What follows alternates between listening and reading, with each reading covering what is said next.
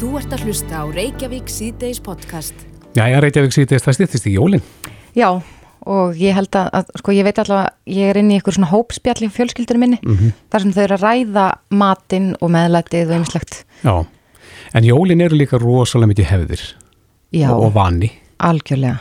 Ég meina við vorum nú að, að kanna hvort að Íslendingar væri að steikja laufabræði eða hvort að það væri hefða á heimilum landsmanna. Mm akkurat.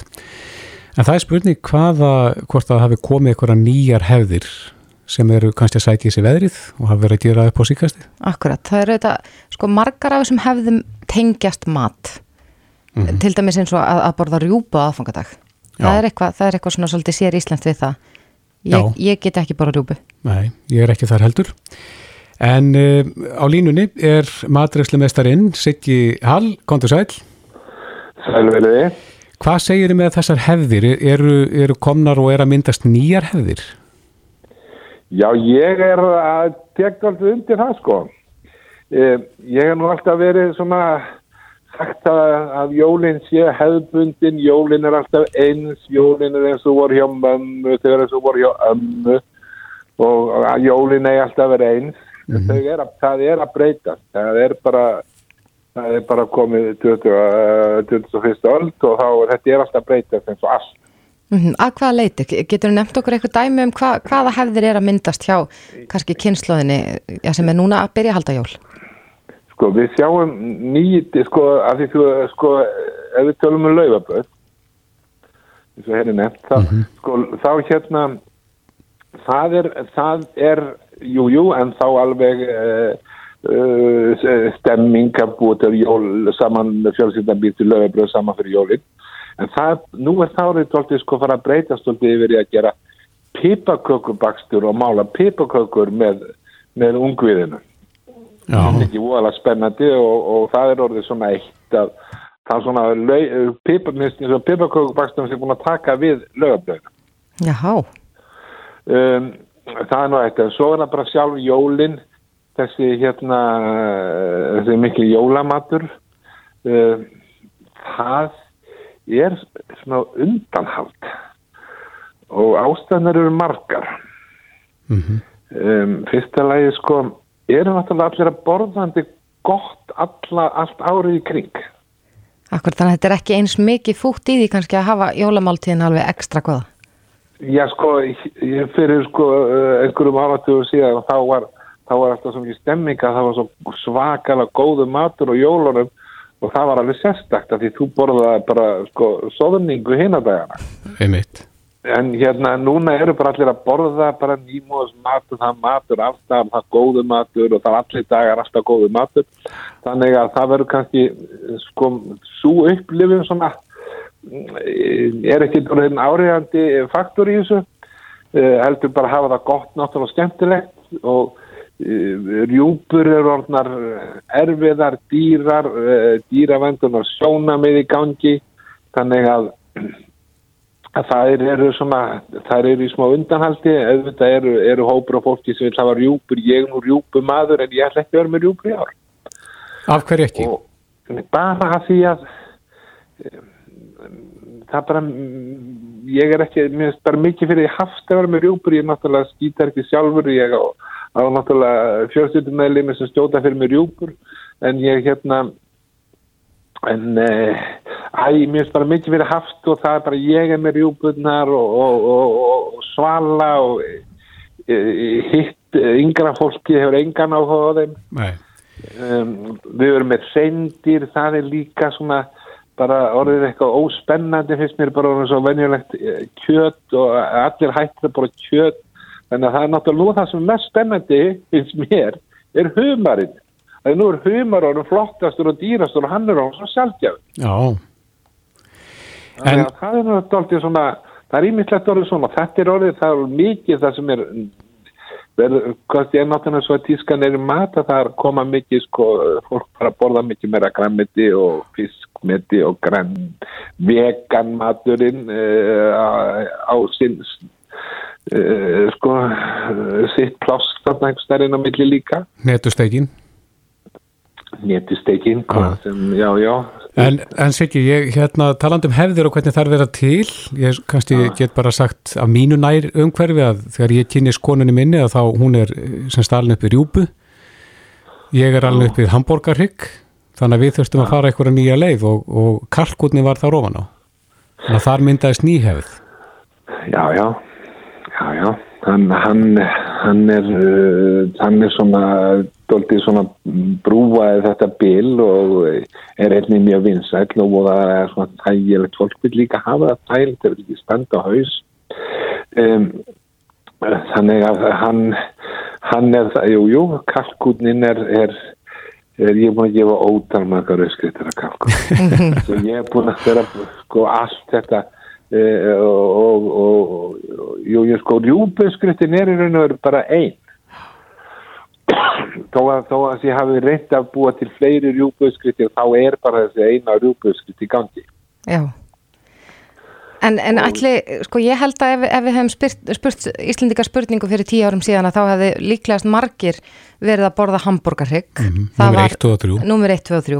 Heldur að, að hambúrgarryggurinn sé að víkja fyrir til dæmis kjúkling, nei, kalkurnum eða, eða jafnvel sko svona Wellington steak, Mér finnst það vera svolítið í tísku. Já, vel, Wellington steak er svona della Já, ok. það er svona einhver uh, Wellington er svona, það var gaman skurfi við, menn voru með Wellington alltaf gaman dag, svo alltaf fengum menn dellu fyrir Wellington og aftur. Um, og og, og og uh, þú veist, þetta er voru spennandi þetta er náttúrulega, þú veist, þú veist að borða hana uh, brauðið utan af kjötinu. Uh, en hérna uh, Jú, það er, það er, það er svona matur sem mikið er fyrir haft og ætlar að búa til sjálfur, Mm eða sjálf og hérna og og uh, svona doldið svona kunst að gera það og, og, og stemtilegt og hægt að gera það fyrirfram svo líka hægt að kaupa tilbúið. En hvað heldur að verði núna eh, svona það exotískasta í, í, fyrir þessi jól, það nýjasta? Um, það er nú um að spá um það ég, það er Eh, sko ég get ekki, ég er ekki, get ekki séð eitthvað, eitthvað alveg exotíst eitthvað sem að er bara, kemur bara einhvers staðar út af geimnum og allt innu lendir á diskum En hvað heldur að vera vinsalast? Þú eru að spá fyrir um það? Ég trúi því að það verði humar, það verður náttúrulega reyndir og rjúpa og það er, og ég hugsa að Wellington verði svakalega vinsæl. Mm -hmm. Hambúrghryggrun er það ennþá og hann er búið þægilegur en hann er svona, hann, hann er eins og við segjum svona að fara að minka, minka spenna fyrir því. Hann er venjuleg svona skenga og, og, og um, já, það er, það er náttúrulega ekkert, ekkert, engin, ekki bóðalega mikið sko nýtt í, í mataflórunni hérna á Íslandi sko. Nei, en þú segir svona það sé... Saltfisk á jólunum, eh, það er ekki, en svo bara kannski gefum svo normi, þeir búin að bara kjötpólur og, og, og, og bjúgu og, gamalt lambakjött og salta lambakjött og, og, og, og fleskusteg. Já, ef ég, ef ég strika þess undir að þá heyrist mér á þér að, að humarinn verði það flottasta í ár. Ætlar þú að hafa humar? Stóri íslenskur humar verður mjög vinsæl og verður mjög flottur og það er nefnilega, svo er eitt sem má ekki gleyma, sem verður alltaf og það er alltaf einhver staðar inn í, á jólunum, hvort sem það er, er á aðfangandag eða, eða jólandag eða einhvern tún jóland, það er handikjöld. Já, Það er svona það íslenskast af öllu íslensku, plast. Svo er eitt sem ég er að heyra líka, fyrst að við erum að tala um þetta, það er náttúrulega lambakjötið er svona líka stótt að sækja í því veðri að því nú fyrir það að vera sérstak. Og, og það er, ég er að heyra menn að tala um léttrektan lambarík, léttrektan lambarík, nokkuð sem, sem er svona einhvers konar London lamb, mm svona léttrektur lamba, lambaryggur, létt salta, léttrektur lambaryggur. Mm En er fólk ekkert að, að, að sko, að hætta í öllu þessu saltaða og reykta? Já, ég veit að jólinn eru tóltið svo leiðis, en það er, e, það eru maður, það eru sko tískan er svo að vera ekki að bara salta og ekki bara reykt og ekki bara kjött og ekki bara grökkjött og ekki bara svínakjött og ekki bara þetta og ekki bara þú veist, svo endar bara með einhverja möggaðar hnetu sem er búið að blanda saman og steikja það óalega fínt og flott og bara hnetustek og þá þetta gera sósu svo sósan. Það fyrir að vera sætar. Já, akkurat Já, ég, ég held að séu flesti konum með vatn í munnin og, og get ekki beðið þetta jólunum eftir þetta spjallokkar og ýmislegt. Það jólinu verða skemmtilega, það er fullt af mann. Það kemur eitthvað nýtt. Siggi, Hall, gaman að heyri þér. Tjæra þakki fyrir þetta. Ég beðins ykkur Læs Takk. Þú ert að hlusta á Reykjavík C-Days podcast. Reykjavík C-Days, nú er aðeins farað að glitta í hátíðarnar Já, svo sannlega, fólki komið í jólaskap, fyrst í aðvendu var í gær Já. og það steytist í þetta. mm -hmm. En nú hafa almannavarnir gefið út leiðbenningar fyrir okkur fyrir uh, hátíðarnar. Ekki veitir af Já, þetta eru all ítarlega leiðbenningar verið að segja. Það er alveg farið ofan í sauman á því hvernig best er að hegða sér til þess að koma í vekk fyrir smitt. Menn tala um jólakúlur Já, akkurat. að fólk eigi að reyna að hafa þessi minnstar og þá er verið að tala um fjölskyldustærðir og annað slíkt Já, við eigum að velja okkur sko jólavini. mm. Ekki að vera að, að blanda geði við alla sem okkur þykja vendum. Heldur bara þeirra. Já, er það ekki bara eins og er í dag? Jú, ég held það. En á línunni er Rökkvaldur Ólafsson, aðstór yfir lauruglu þjóttn hjá Almannavarna deild, komdu sæl. Já, sæl. Ja, þetta eru nokkuð ítalega leiðbenningar eins og, eins og við sögðum. Um, getur þú svona stikla á stóru, hvað, hvað skiptir mestu málið þarna? Já, þetta er eiginlega bara útfærsla á núgildandi svona reglum eða leiðbenningum og settar í svona þetta samingi sem að aðvendan og jólin eru. Þannig að, svona, að fólk getur spekla sig inn í þessu aðstæður og að segja betur á því hvernig þetta passa við svona, hvað að segja, svona hátíðarundugungin hjá því sjálfu. Mm -hmm. En hvað er við að tala um varandi stærð hópa? Það er náttúrulega tíman og samkomban eins og staðan í dag og ágætta miða við það allar mistakosti. En það sem við erum að tala um þessu jólakúlur er að, að fólk kannski byrja að hugsa þess með hverjum það ætlar að eða jólunum og, og, og tala ekki með einhver viðkvæmi í þeim hópa jafnvel að gera ástæðanum með svona hvað sé að halda sér það frá öðrum svona sagt, fram að því. Þannig að hálgerða hvað sé að sótkví, getur orðað þannig.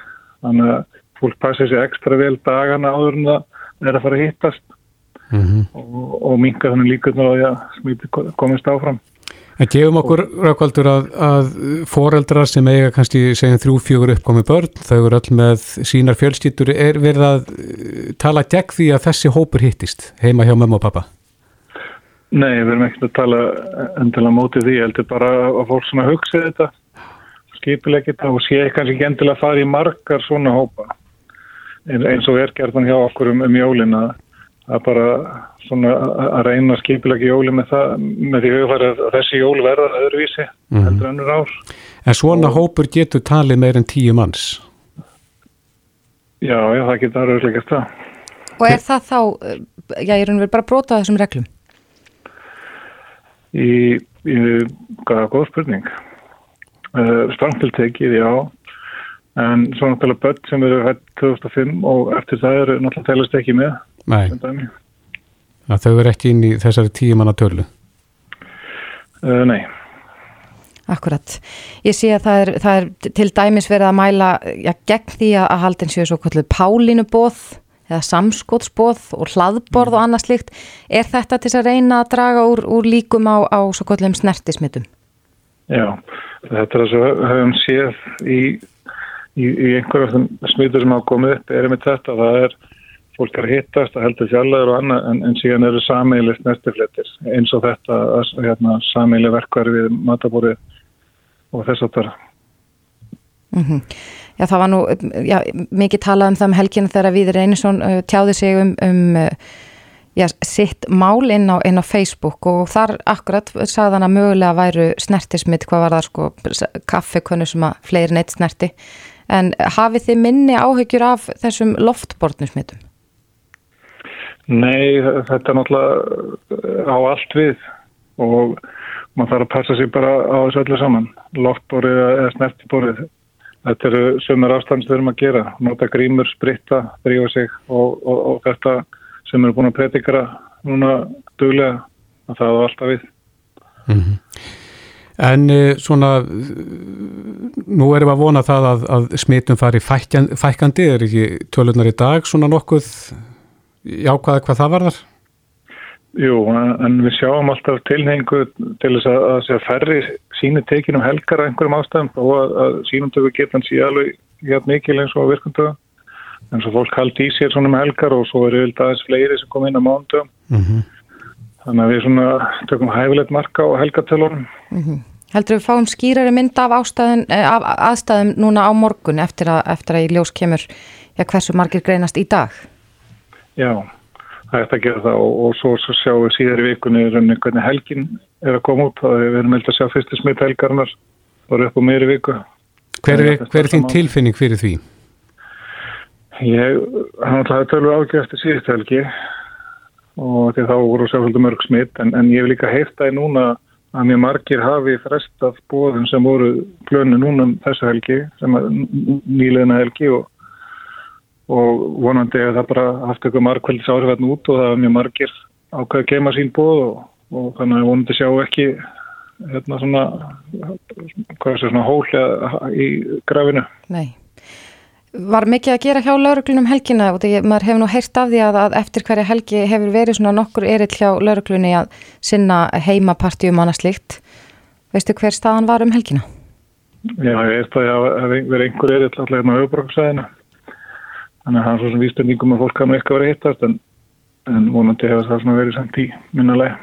Já, akkurat. En það er svona ykkar uh, leiðbeiningar nummer 1, 2 og 3 að fólk hugja þessu og fara að skipuleika sér svolítið fram í tíman. Já, endilega að hugsa hlutina eins og, og gera þetta að svona yfirlega ráði og, og, og skipuleika þetta svolítið að ekki láta bara kílur á það kasti og svona, að reyna að plana þetta svolítið hvernig þau ætla, ætla að hafa hátíðarnar og ætla að hafa sína jólakúli. Mm -hmm. Ef að fólk er í vafa um eh, hvað það eigi að gera, ef það er með bóð í huga eða ætlar að hitta ömmu sína á jóladag eða eitthvað slikt, getur það að leita til ykkur að fengja ráleikingar? Já, það er þetta fann á néttspillið inn á covid.is og fá leiðbenningar þar og svo eru, eru hérna, leiðbenningar inn á síðinni mm -hmm. inn á covid.is. Já. Rökkvaldur Óláfsson, aðstóður yfirleirglu þjótt, almannavatnatildar. Kæra þakki fyrir þetta. Já, takk svo leiðis. Hlustaðu hvena sem er á Reykjavík C-Days podcast. Þessa fínu fréttir af bólefnum hafa vætið miklu aðtegli. Mm -hmm. Sumið segja að fólk hafi svona orðið pínu kærlusar eftir að hafa fengið þessa fréttir. Já, en ég held að, held að bara svo eitt skjótið í aða, mm það var í dag sem að lifjafyrirtæki Moderna sóttum neyðar heimilt fyrir notkun nýs bóluefnis gegn COVID-19 bæði í Evrópu og í Bandaríkunum. Já, akkurat. Þeir eru þá annað fyrirtækið það ekki sem að gera Jú, það? Jú, eftir því sem ég kemst næst. Var ekki Pfizer búið að gera það?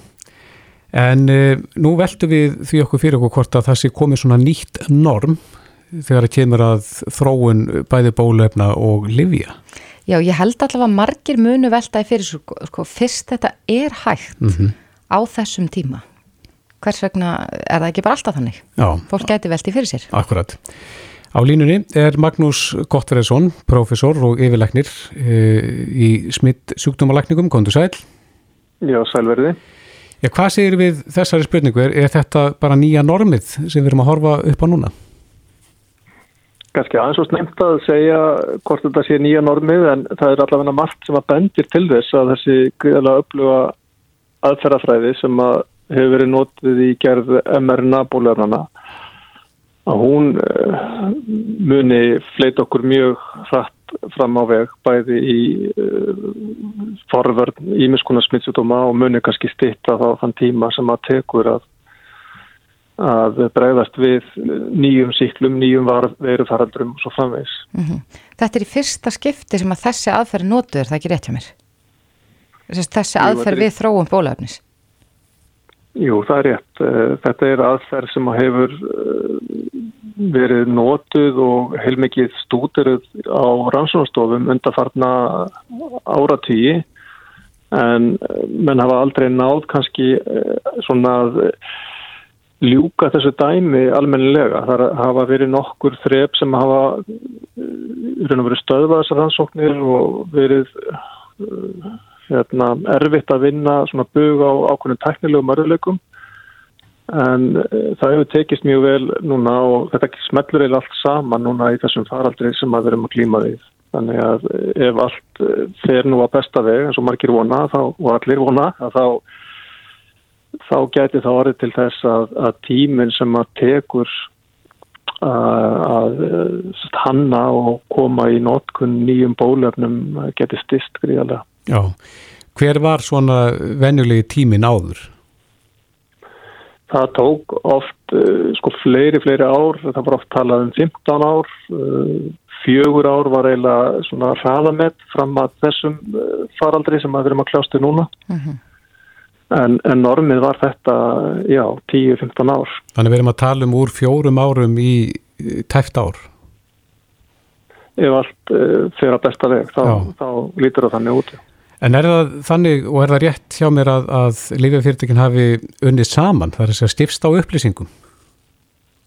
Já, bæði lífjafyrirtekin og bara vísindaheimurinn hefur, hefur unnið mjög vel saman í, í þessum faraldri og það í raun og veru hefur átt sinn þátt í því að, að þetta við gengið svona rætt og vel fyrir sig. Mm -hmm. Nú veit maður að, að livja yðnaður sem slíkur er náttúrulega, um, já það er mjög miklir peningar í spilinu oft á tíðum. En getur það þá verið að, að mögulega sé hægt að framlega að lifi miklu meiri hraða bara já, ef allir taka höndum saman eins og gert var núna? Ég held að þetta dæmi svona stiði mann í þeirri trú en þetta er auðvitað ógn sem að stæðra okkur öllum á sama tíma þannig að það er auðvelt að ná samstöðu og eindragni. Það skilji allir hversu mikilvæg tímin er þegar þetta er svona vandi sem allir eru að horfast í augu við á sama tíma en máli flækist að þetta þegar uh, hérna pressan er minni og þegar vandamálin eru kannski mismikil eftir löndum og svo framvegis en ég vona að þetta muni verða svona leðaljóst í framtíðar að fólk vinni betur saman og, og hérna það er auðvitað í okkar allra þáu. Já, en verður hægt að yfirfæra þróun á þessum bólefnum yfir á önnur lif, krabbameinslif og, og slíkt? Það er mögulegt og það hefur nú þegar verið gert talsert í því að, að nota þessa tækni við meðferð krabbameina einmitt og það er meðal annars eina ástæða þess að, að þessi tækni var tilbúin að hluta til þegar þessi heimsvaraldur skall á. Það er ekki þannig að allar þessar aðferðir hafi verið uppgötuða núna á síðastlunu ári, heldur voru þetta tæki sem voru komin í verkfærakistun okkar og, og byggði þess að vera nótuð og ef þetta gengur allt svona jafnvel og mennir að vonast til og vísbendingar um að þá er talað um að svona þessar nýju tegundir meðferða verði svona eins og það sem kallað er á ennsku plug and play, það verði hægt að finna bara nákvæmlega hvað það er sem að þarf að setja inn í þessi nýju bólöfni og allt annað er tilbúið og þá getur við bara raun og veru lagt af stað og, og byrja að nota þessi, þessi nýju lif. Við allstinn sjúkdómum þá? Við, já, við ímiskunar sjúkdómum. Svolítið mm. bara eins og þeir sem að er að þeirri kynslu að mun eftir hérna kassetu tækjanum sko að þú, bara, þú bara skiptir um kassetu en allt annað er tilbúið og, og þannig að ef það er þessi veira í dag og svo kemur ykkur önnur eftir þrjú ár þá getur við raun og veru bara raðgrænt hana og fundið út hvaða hérna, mótarnavakar það eru sem að skipta mestu máli og sett það inn í, í hérna, þetta mótel sem að þú ert með tilbúið. Mm -hmm. Já, við veitum það að þetta er, þetta er nýstarlegt og þetta er byltingakent sem er verið að gera í þessum fræðum en eh, hvenar munum við sjá sko árangurinn? Er það einhverju eftir að, að bólusetningar fara af stað í raun og veru?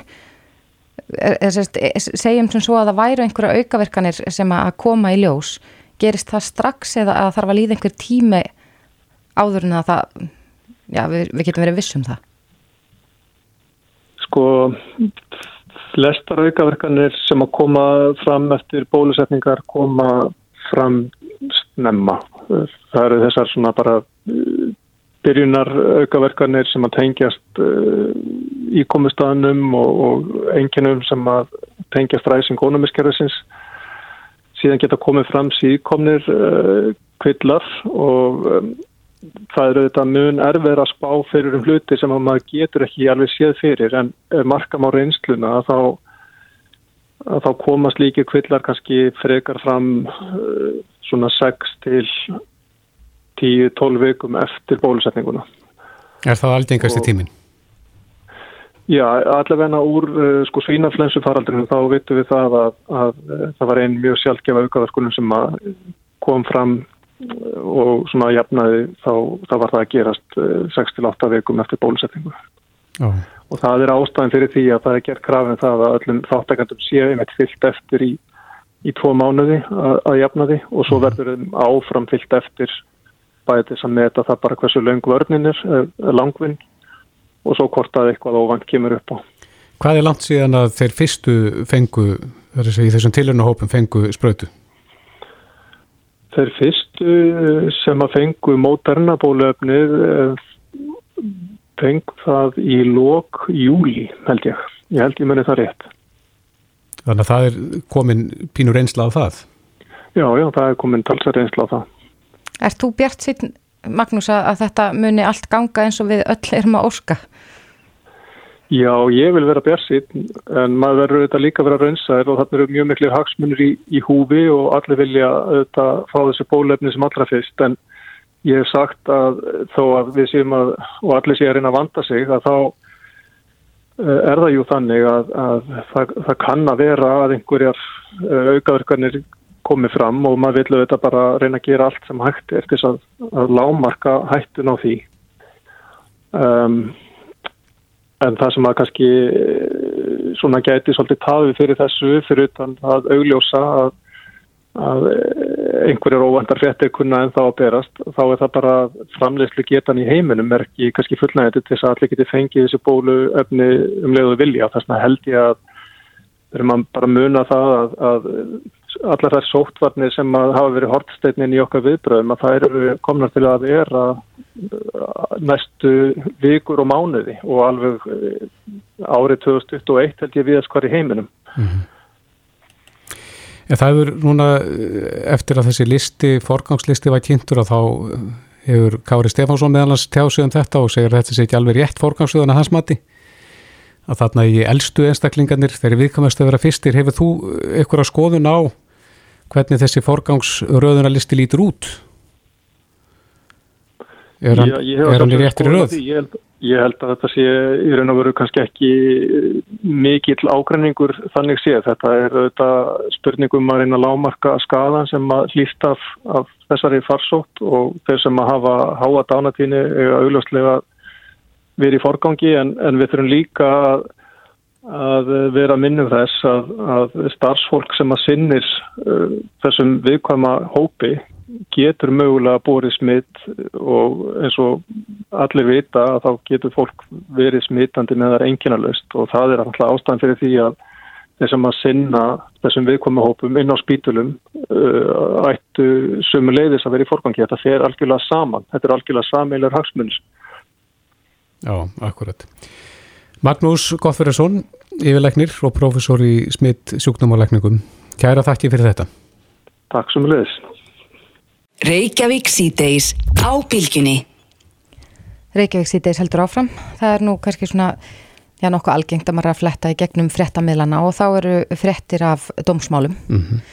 Oftar en ekki. Og já, við tókum eftir því hér fyrir helgi að, að þar var fjallað um eitt mál og það segir að Karlmaður hafi verið í, í landsrætti sakveldur fyrir að nöðga fyrirvændi unnustusinni mm -hmm. á mhm. heimili hans en uh, það vakti aðteglokkar að uh, þessi dómur uh, í raun og veru eftir að, eftir að hann verið dæmdur til refsingar í, í hérastómi að þá ákvaða landsrættur að skilórspinda átjónmána fangilsrefsingu hans vegna já, dráttar á málinn þetta rannsók tók á langan tíma og mm -hmm. það mhm. var einhver seinagangur sem ger það verkum að eh, þessi maður mun ekki setja inni fyrir sitt brott. Nei, og einhvern veginn eins og segju, þegar maður flettir í gegnum og tekur eftir fréttum og dómsölum að þá gerist þetta oftar heldur en kannski eðlegt þykir að eh, dómar eru mildaðir vegna seinagangs við rannsókn og, og saksókn. Mm -hmm. Og það er spurning hvort að þessa fréttir valdi e, ríkislauglustjóra áhegjum, Sigriði Björg Guðjónsdóttir er á línu, kom til sæl. Kom til sæl. Já, valda þessa tíðu fréttir af þessu slíku málum þér áveitjum?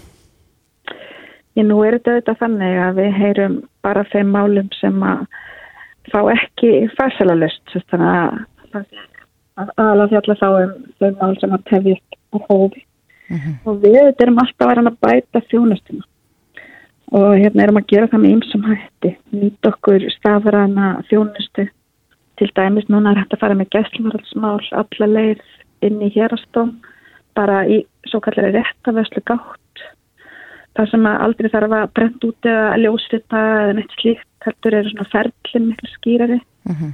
og svo höfum við náttúrulega verið að vinna núna með svona mælaborð þannig að hérna, við hefum alltaf að sjá hvað mikið að máli mikið hverju deilt þannig að eftir þess að máli eru lögð til hliðar vegna það verður að býða eftir niðurstöðum og rannsókn eitthvað þess áttar að þá eiga þau ekki að greimast eða ítast of lengi til við hefum að hafa alltaf í rauninni fyrir framann okkur nákvæmlega hver staðan er á hverjum tíma og líka hvað, hérna, hver eining ræður við á málum. Akkurat. Þannig að þá er jafnvel hægt að fjölga í einstakri dild og þess að við gerum þetta sérstaklega með kynfyrirsprópadildina hjá allir há og þar var sérstaklega að farið yfir það, veist, hvað ræður svona dildin marg mál og að bleða farið að fjölga í dildinni og þá er setturinn aukinn mannskapur. Já, gerir þið, hversu, hversu mörg mál er þetta sem er að dragast úr svona, já, já lengur en, en eðlert getur talist? Er þið með prósentu tölur yfir það? Nei, ég er ekki með það, alls ekki og ég get ekki tjá mig um einstakmál en auðvitað náttúrulega bara er það bagilegt þegar mál tefjast og, og þá er það dómstóla með auðvitað að leggja mata það hvort að, hvort að það verði þá sakbortningi hag mm -hmm. í dómnum En segir getur það talist eðlegt að, að mál frá því að það er tilkynnt eða kært að það tæti fimm ár í vinslu? Það hlýtur að vera óeðlilega langu tími bæði fyrir, bæði fyrir brota þóla og, og einn stjeranda. Ég bara má ekki og get ekki tjá mig um einstak mál. Nei, en, en, en, en almennt, séð, almennt séð er eðlilegt að mál tætti fimm ár? Frá upphafi til endaði fyrir domstólum. Það er náttúrulega of langu tími, það er alveg ljóst. Það getur náttúrulega verið tafir af einsum ástæðum. Mm -hmm. Þannig að hérna, við, ég sker ekki tjá mig um einstak mál, en ég get sagt þér að lögurlunni alltaf er að bæta sína þjónustu og sem sagt bara það að núna er verið að vilja sérstaklega gátt fyrir þólandi kynfyrirsblöta þar sem þau geta farið inn og skoða hvað máli þeirra er start og það sé samanburð við önnum mál sem sagt hvað er með að búast þetta takir langan tíma. Mm -hmm. svo sé náttúrulega með raun hafa væntingar. Akkurat, það hel... er að reyna að mæta fólki þannig að það sjáu hvað þetta tekur langan tíma.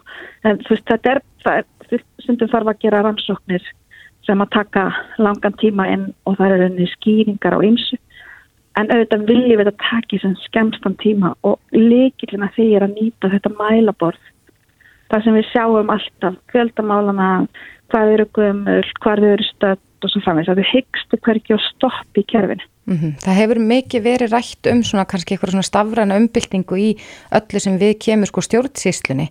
Eru, já, lauruglu, yfirvöld og, og, og domstólu jafnveg líka eftir á í þessari þróun að einhver leiti? Það við hefum bara verið að standa okkur talsvist vel. Það, mm -hmm. það hérna, bara hefur verið mikil breyting og hún er á fleiðferð. Við erum að reyna alltaf að gera betur. Við erum með takmarka fjö eins og, eins og allir mm -hmm. að þýðir það við þurfum að vera að fá sem mest fyrir þá peninga og að nýta okkur tæknina eins og við mögulega getum En, en svona alvarleg brot þegar þau komu upp er, er sá stafli, er hann að hækka á skrifborðunum eða, eða námenn að halda í horfinu? Vantar fleiri menn eða fleira fólk til þess að rannsaka? Sko það er, semst, er náttúrulega ákveðin fórgámsröðum sem er fyrirfram ákveðin af ríkisæksunar. Við hefum að leggja áherslu á kynferðisbrot og heimilisótilsmál og, og og þannig mál uh mhm. -huh. og þau eru þess vegna í forgangi og því miður hafa allir mis fjármærabröð kannski tekið alltaf langan tíma því þau hafa kannski mætt og miklum ágangi en eins og ég segi galdrin er að að passa að það sé rétt mönnum í hverju einingu og það sé þá unni með þetta sem stannig að alltaf eins og ég með því í staðan fyrir að horfa bara eitt stapla á málinu í kynferðsbótatildinni uh mhm. -huh. að það var horta frá þrennskonar mál, það voru kynferðsbótið börnum í algjörum fórgangi nöganir og síðan önnu kynfyrirsbrot og það voru búin til teimi og settir inn fyrir fram svona rannsóknar áallanist allt til þess að einfalda mál og ekki að senda þau á milli út ákveðum þáttum mm -hmm. heldur þannig að til dæmis teknideild gæti bara teki ákveðum verk þátt og unnið og án þess að máli væri sendt á milli heldur allir eru bara vinnin í sömu áallin. Það búið að nýta þessa tækni mjög vel og með því tókst að fælka verulega málum í deildinni. Mm -hmm. En þetta gerist ekki sjálfkrafa, þetta gerist þannig að allir leggjast á eitt. Nei. Það er en... að flýta málum og vinna við hraðar og auðvitað náttúrulega í fullkonum heimi væri við með fleiri menn og höfum svo sem óskæði eftir því mörg ár. Já. En það hefur verið vitt auknum fyrir lauruglu. Við höfum fengið minni aðhaldskröfu en aðrir og svo tímabili var það bara einfallega þannig að það var ekki náttúrulega frambóð á lauruglu fólki. Nei. Vegna þess að það var svo lítið af lauruglumennu sem koma út úr laurugluskólunum og við erum ennþann að ná í skottið okkur með það. Akkurat. Frá því að mál fóru, eða frá því að náttúrum fóru í háskólinu Akureyri. Já, nú hefur samt, já, verið nokkuð oft rætt um það að einn já, svona versti fylgifiskur þess ástand sem ríkir í dag er aukin tíðni heimil, heimilisofbeldist til dæmis. Er í takt við aukna tíðni og fleiri mál, eru þá fleiri sem starfa við að rannsaka málinn? Nú er það bara samt eftir umdæmum, það hefur líka fækkað öðrum málum, kannski móti, kemfyrsbrotum hefur aðeins fækkað og fleira. Og það er náttúrulega búið að setja auki fyrir af hálfu barnamálar á þeirra og dómsmálar á þeirra inn í þennan málaflokk. Til þess til dæmis að setja upp einnið 2.is til þess að auðvelda aðgengja þjónustunni mm -hmm. og horfa á þá sem eru kannski viðkomistu stöðinni og það eru ímislegt verið gert í því efni af aðgerðum sem eiga auðvelda aðstofa en auðvitað heimilisopildismálinn þau taka tíma og það hefur náttúrulega fjölga með mikið og þá verður bara hvert lið fyrir sig að stýra þessu út frá forgangsmálum hverju sinni. Og það er búið að vera greið mikið ála á lauruglu bæði út af því að ástandi COVID tekur talsverða mannabla bæði eftirliti og svo náttúrulega eru hérna líka löglumenn sem veið gæst og svo framins og fyrir sótt kvíða út af afskiptum af smituðu fólki. Þannig að það kemur ón á það þetta er bara búið að vera mikil aflagstími en eins og ég segi með þessu mælaborði svona, hérna, þá er miklu auðvildar að stýra álæðinu inn á þær einingar mm -hmm sem eru brínastar hverju sinni. Og það eru alvarlegustu brotin sem þar eru efst. Og sem Já. betur fyrir við vitund og hérna skilningur á aðstæðum brotaþóla til dæmis mm -hmm. aukist á undarfennum árum og, og við áttum okkur á því að þessi þjónustu þarf að vera eins góð og mögulegar hægt og það er verið að reyna alltaf að bregðast því hverju tíma. Já, rétt aðeins í lokin Sigriði Björg, uh, hvað telur þú að eðlilegur málsmeð fyrir að tími sé langur? Það er ekki hægt að alhafa að meitt að það er bara eftir hverju máli fyrir sig. Það er ekki til einhver einu því að málin eru aldrei eins. Sko. Nei. En eins og vona ég að það verði bara þannig að innan fára ára og þá sýta bara alveg eins og við fyrir minni heilsu veru og þegar við fyrir minni yngabokkan að þá getum við líka farið inn í lauruglukerfi og sé nákvæmlega hvað málið okkar er statt eins og við erum að byrja núna að gera með kynfyrirsbrotin. Mm -hmm. Að það verði línan Þannig að þú getur sko séð í rauninni málið mitt er hér og sambarileg málið að taka þetta mikinn tíma. Já. Og bara það að hafa þennan samanbyrg og hafa þessa hvað er skilninga fyrir hvað, hverju þú mátt búast við. Það held ég að sé miklu auðveldar að eiga við það fyrir Já. bæði þá sem eru ákjörðir en líka þá sem brotið er gegn. Mm -hmm. Sigriði Björg Guðjónsdóttir, Ríkislauglustjóri, kærar þakki fyrir þetta. Takk sem ég leiðis. Þetta er Reykjavík C-Days podcast. Já, já, fyrsti sunnudagri aðvendu var í gær mm -hmm. nú er fólk að komast í vonandi að komast í jólaskapið Já, núna er ég fyrst að, að almennilega. Taka það í sátt að spili þjó jólalög mm -hmm. En jólalög og jólalög er ekki það sama Nei, í þessar vísur sem við kunnum, þessi íslensku jólalög sem við syngjum, já, kannski svona þegar við erum að dansa í kringu jólatrið og... Á jólaböllum? Á jólaböllum sem mm -hmm. að mhm. já, verða líklegast ekki í ár en, en við getum bara að dansa í kringu jólatrið heima í staðin. Já en þetta er oft bara textar sem maður bara kann utan á og hefur ekkert endilega spáð mikið í sko, hvers vegna við erum að syngja það. Nei, en eru stóru undarlegi svona þegar maður fyrir að rýna í þetta? Já, við vorum akkurat hérna að ræða uh, jólalægið Jólasveinar 1 og 8. Já, við byrjum á því af hverju, af hverju er nýju en ekki 13. Akkurat, og svo verið að tala um hann Jón á völlunum og svo var Andris sem stóð þar utan gátta og... Átt að færa hann tröllunum. Nákvæmlega. En hvaða fólk er þetta? Eh, við heyrðum að því að eh, sakfræðingurinn, hún eh, Laura Magnúsdóttir, hún komst að því svona með því að grúska í gamla texta að þarna var hún vantilega búin að finna aðal leikandur í þessum jólalögum. Akkurat, og við erum spennt að vita hverju þeir voru. Komdu sæl ára? Komið sæl og blessuð. Já, hverjir voru þessir, þessi Jón á öllunum og, og Andris sem að átt að færa tröllunum? Já, þetta er nú eiginlega svolítið löngsaga og ég er eiginlega jafn hissa á allir aðrir og ég hafa komist að þessu. Það var alveg, alveg óvast, ég var nú alls ekki að, að leita skýringum á þessum texta þegar ég fann hann óvast í, í bók sem er orðin 700 ára gömul og það er miklu öðveldar að svara því hver Andrés var mm -hmm. heldur en uh, hver voru Jón á völlunum og hver voru, hver voru jólaseinarnir að því að það er bara stutt svar við því Andrés var maður, norskur maður mikill valdamaður í Nóri sem hétt Andrés Pálsson og var kallaður Andrés Plittur stundum kallaður Andrés Plukkur. Og sámaður var bannfæriður uh, hann var dó og uh, á, í kringum árið 1200, uh, áramótin 1282-3 mm -hmm.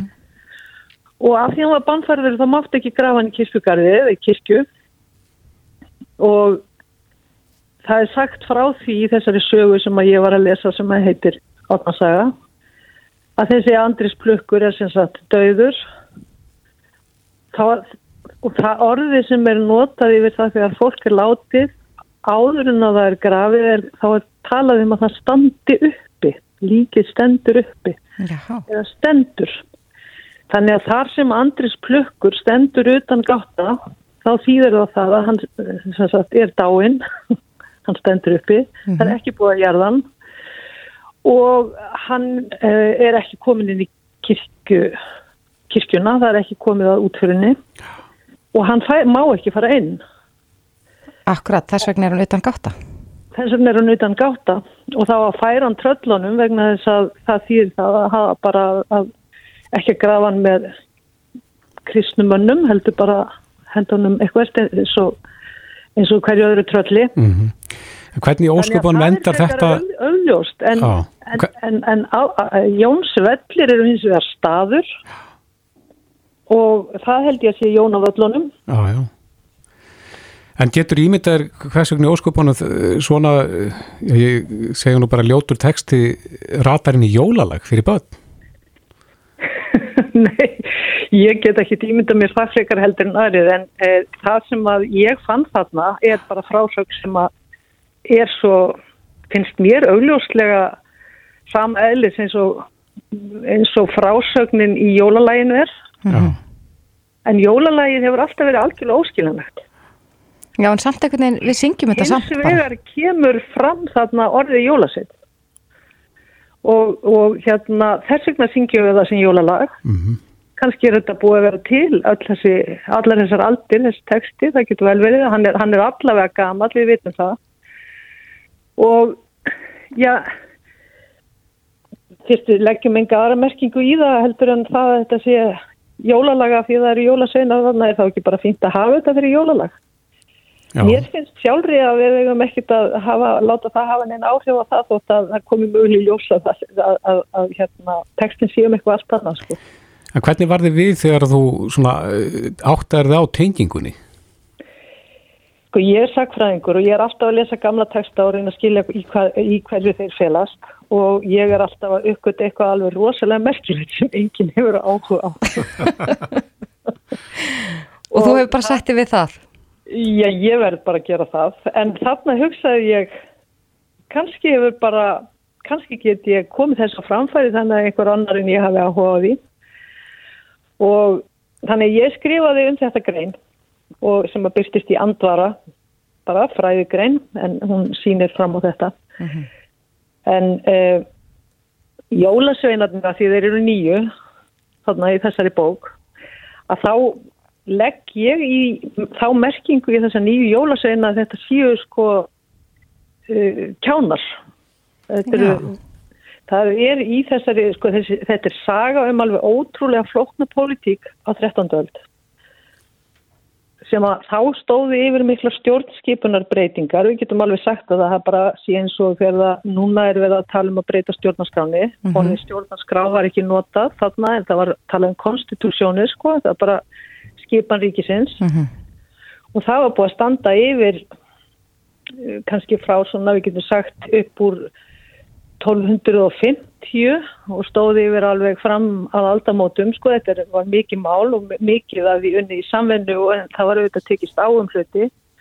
Vegna þess að þegar það verið að breyta stjórnskipuninni þá er tekist áum það hvað hérna hver á að fara með öðlindri í landinu. Já þannig að þetta verið, verið svona ansið tyrfið ritt sem þú varst að rýna í þarna Já, já, þetta er það það og það ég er búin að vera að lesa miklu fleiri heimildir um þetta alveg í 30 ár sko þegar mm. ég einu og ég er marg búin að lesa þetta þegar ég bara allt í einu skil þetta. Ja, þegar þú tengið og, það við þessa, þessa vísu? Já og svo, svo tókust menn á, já ég tengið það mjög beint sko og ég finnst þetta að vera svo augljóst að það hljóti að fyrir að afsanna það hérðan að. Já.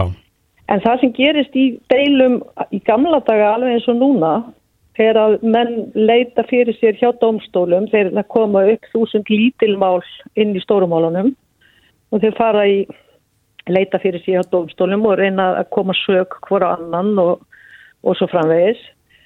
Og það voru þarna menn sem að voru nýju og þeir áttu, það áttu að dæma þá útlæga.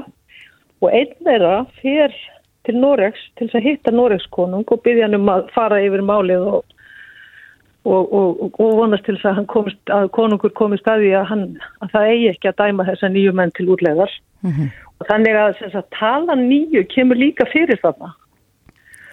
Akkurat. Það, jólasveinarnir eru þessir Þetta er eina jólalagi þar sem jólasveinarnir eru nýju en ekki en ekki 13 mm -hmm. Ég held allavega að langflestir sem hafa sungið þetta lag einhvern tíman á lífsleginni hafa veld fyrir sér bara hvers vegna er ég að syngja um nýju jólasveina? Já. en Já, maður bara gerir það sko samt. Já, maður gerir það og lagið var skemmtilegt og svo er vist til fleiri, fleiri sko lög sem hafa verið sungið við þetta lag, ég vissi það ekki fyrir en eftir á. En, en hérna Já, eins og ég segi, mér, mér finnst mikilvægt að, sko, fyrir mig er tveit mikilvægt í þessu, annars er það þetta og ekki að hafa neina áhrif á hvernig fólk notar þetta eða syngur þetta lag sem skemmtunar með börnunum, en hitt er að fyrir mér er sko þarna líka möguleik að ég hafi komið í á framfæri við áhuga mennum sögu og svo framvegis að þarna er alveg ótrúlega spennandi pólitík í gangi, sko. Akkurat. Sem að Já, ég held allavega að þetta mun ekki hafa á, áhrif á það, ég mun alveg syngja þetta áfram með börnunum mínum, en ég kannski útskýr ekkit endilega textan neitt, mikið frekar. Nei, nei, það gerist bara fyrir þá sem hafa áhuga þegar það er eldrið, sko. Akkurat. Við komumst í mér ekki lengra sinni, Lára Magnúsdóttir, sagfræðingur, kærast þakki fyrir þennan fróðleik. takk, takk sumulega, svo gleðileg jól bara. Já, gleðileg jól. Ég eitt ykkur örugleika að þanga til hvað sem er. Nákvæmlega, takk kærlega fyrir. Reykjavík síðdeis á Bilginni podcast. Reykjavík síðdeis, það er ótt að segja að tilbóðstagarnir, þeir koma færi bandi þessa dagana en eh, Cyber Monday eða stafrætt mánudagur er eh, í dag og eh, það sem að áherslu lögð á verslun á, á netinu. Ég er það ekki, Guðmundur Magnarsson, frangotastjóri Heimköpa, sæl. Heil og sæl. Er ekki áherslan lögð á netverslun í dag? Jú, heldur betur og hérna og þeir eru búin að vera í röðum þessi tilbúðsdagar og, og, hérna, og þetta er nú sá stærsti þeirra Já. og tilengaður netinu og hérna Er hann, er hann búin að vera stærstur hjá ykkur af þessum Singles Day? Uh, Já, það, það fyrst var Singles Day og svo kom náttúrulega svartur förstu dag og, og, og nú er, er, er stafrætt mánudagur, netmánudagur og, og hérna hann er náttúrulega ekki, hann er ekki búinn og hérna greinlega margir að fá útborgað í dag því að hérna við sáum svaka kipp kipp núna bara um, upp úr fjögur einhverjir hafa verið að setjast, setjast við talur eftir að fekk útborgað og þetta er svo dagur sem hefur verið stæstur hjá okkur gegnum árin mm -hmm. og, og ég hef ekki vonað öðru eh, heldur en það verið það líka í dag e, Ertu, sérðu hvað er vinsælast hjá þér? Hvað er að seljast mest? Já, það er svakalega mikil sala hjá okkur hefur verið í, í spilum og leikvöngum þannig að það er greinlega mjög mikil hérna svona uh, jólagjafa sala mm -hmm. e, síðasta vika var, var undurlögð í ráttækjum hjá okkur. En, en sem sagt núna þó, þó séu þetta e, svolítið mikið af ráttækjum líka þá eru, þá eru það spilin það eru leikvengin, það eru snirtifurðar eru líka mjög sterkar hjá okkur. Og, og mikið að fara af gjafabrifum þannig að hérna Þetta er, þetta, er, þetta er greinlega, þetta er jólagjafa dagur, svo mikið, er alveg reynilega. Já, ég er að heyra og hitta marga sem að segjast nánast vera búnir að klára þetta og uh, ekki komið desember. Já, ég, ég, ég trúi því alveg, en svo náttúrulega eru aðrir eins og við, Kristófer. Það verður með eitthvað aðeins seitt nýði. Jú, jú, það er rétt. Já, og hérna, en, en já, minnstakosti þá er aukningin þannig hjá okkur að, að við værum ekki hissa á því að, að fólk sé svolítið, svolítið snæð miði, sko. Mm -hmm. En það er nú mikið búið að tala um þessa COVID-tíma og aukna netvæslun. Finnur þú fyrir þessari auknu netvæslun hjá þér?